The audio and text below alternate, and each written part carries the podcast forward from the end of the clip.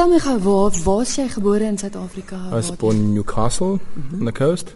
Then I moved to Windhoek for two years, and then my stepfather got a job in the mines in Orkney. I was there for a while, and then we moved to Rustenburg, and then I did my studies in Pretoria with Professor Eric Muller. Toe hoe eindig jy op? Yeah, my teacher, uh, Eric Miller, studied in Vienna.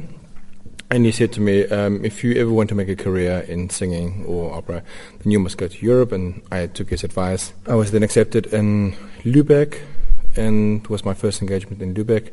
Then I went to Dortmund, and then I studied in Berlin. I did uh, sang for a couple of productions in Berlin, and then I that was the way I just started yeah, in Germany. And then I got then I became a soloist. I was first in the chorus. And then I got a solo job in Halberstadt, which is a very small town, and I was there three and a half years. After that, Neustrelitz and in Nordhausen, and that's where I met my fiance, and that's where I'm living in Sondershausen, which is an hour from Erfurt, which is really in the middle of Germany, in Thüringen. Yeah. So so wat doen jy nou daar? Sing jy vir 'n spesifieke No, I've been since 2010. I've been freelancing, and um, I've had a lot of luck. I've had a lot of good uh, people doing a lot of good work for me, and I am been very fortunate to be able to sing as a freelance singer, and I teach music uh, as Christian does too in the states. Um, I teach at the Conservatorium. It's a music school for children, and um, I give workshops on singing, breathing, Feldenkrais, and stuff like that. And I tour quite a lot actually. I was in, in this year. I was in, in Japan and in China and in Sweden, in Brussels, and Luxembourg. I'm doing a festival next season. In next next year, yeah, next season in December, I'm doing another festival in Luxembourg. A Very good friend of mine is a pianist, and we've just started doing a song recital with Dichterliebe, Franz Liszt, Petrarca, and this, this is our fourth time we're doing this recital in Luxembourg in 2016. So we've started doing more concert stuff, concert uh, solo recitals. Yeah. Jy het nou genoem geluk. Geluk was aan jou kant geweest, maar ek seker dis nie net dit nie. Jy moet goed wees want ek meen daar is daar's ongelooflike kompetisie. There's a lot of die kant. competition, right? Yeah, yeah. I, I was at the right time. I had the right people at the right time, and I met I met the right people, and I had the yeah, I had the fortune of ha- having people that looked after me from the very beginning, and I and I knew where to go, and I knew who to meet. I sang stuff that were not bad for my voice. A lot of young singers have to sing bigger stuff, um, uh, which is not good for their voices, and then they fall by the wayside. Um, I was, was fortunate that I had a big voice from the very beginning, and could develop that from the very beginning. And I did a lot of operetta, which was uh, because I look European, and I learned the language very very quickly because Afrikaans and German are so near to each other. So I could I learned the language very quick, and I looked like in German they call operettentenor. Dus, uh, Land des Lächelns, uh, Lustige Witwe, the, all the, the very the Prince Charming, this kind of, uh, I have the good look for that in, in Germany. And so I was really put in that kind of box. I could do the, the, the dramatic stuff and I could do the operettan, uh, operetta, which is not so easy because the orchestra is so thick. It's it's um, composed very thick in the in the lower range and the, and that's very difficult to sing. And you have dialogue the whole time, so you're speaking the whole through the whole evening and singing, and you have to dance and you have to look good and you have to present a feeling of I know exactly what I'm doing and it's and it's fun to sing high seas every night. Interessant die taal, nou, want ek sal in my lewe nie gedink het dat jy ooit Afrikaans staan of Really? nie gepraat het nie. Ek meen jy jy sê nou die taal het baie maklik vir jou gekom want jy praat jy praat vlot Duits, né? yeah, yeah. Enige ander tale? I speak a little bit of Italian, a little bit of Swedish, a little bit of French. I start, I'm starting to learn Russian because I, I'm, I'm a big fan of the Russian repertoire, Tchaikovsky, Mussorgsky, and um, I feel my voice is going in that kind of direction in the more dramatic stuff. And then I think I'll be in the, in the I seem to have a French, uh, a French Russian soul. I think. I think my soul is very in this mystic, very deep soul-centered uh, characters like um, Onegin and Pique Dame, Herman, and stuff like that. The the, the, the guys are always really sad when on stage, nobody, and nobody knows why. That was- yeah. Maar kan jy nog enige Afrikaans praat? I kind of became right. Yeah, I had a discussion with my with my uncle who's um, was from Rustenburg, and I met my cousins yesterday after 20 years.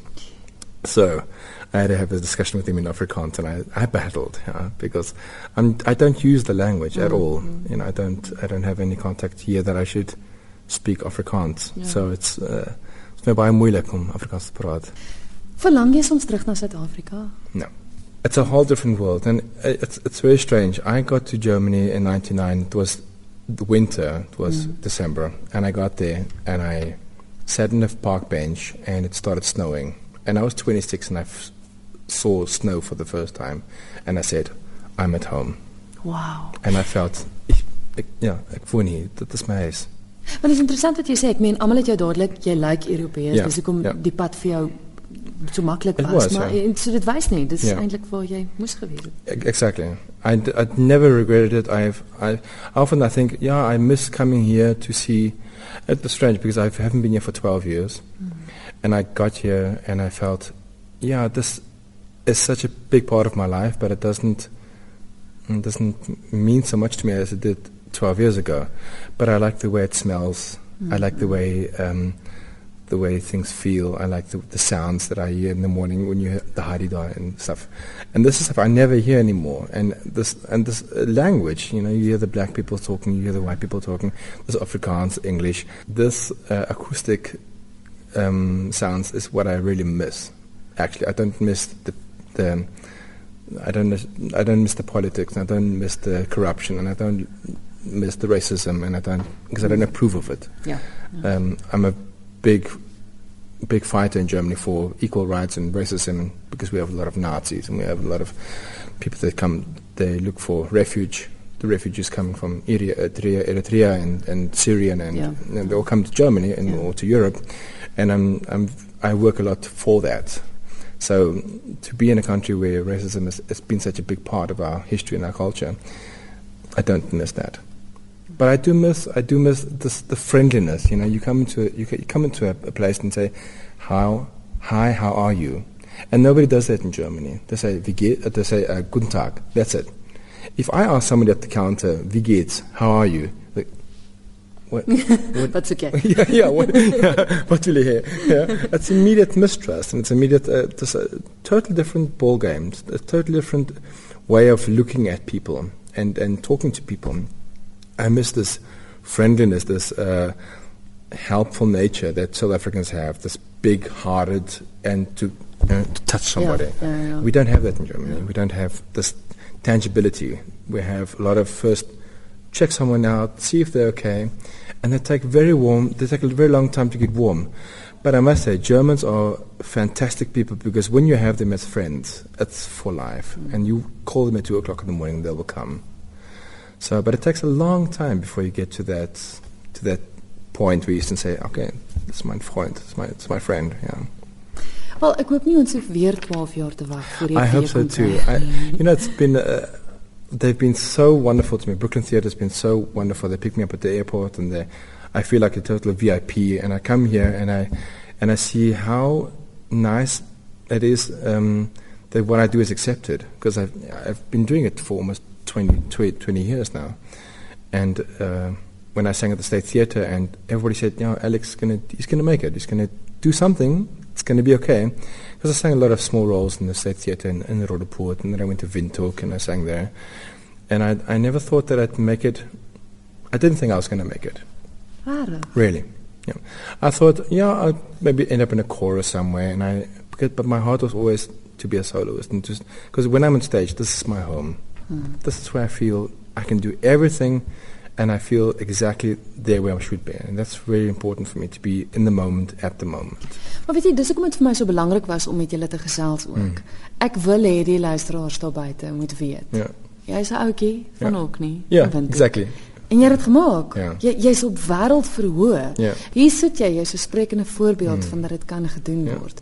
En dis so wonderlik. Dis so Yeah, I feel very, yeah. I feel very honored and very proud to be a South African in Germany, because there's a lot of a lot of fantastic singers in Germany and in the world, and um, that's a bit uh, being hand selected a little bit. You know, there's some some thing, a God if you want to call it. Dis omdat jy soos Prins Charming lyk, like, man.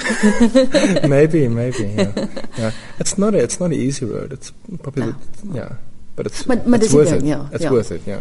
And I think if I if I never if I never believed in it so much the way I did, I wouldn't have made it.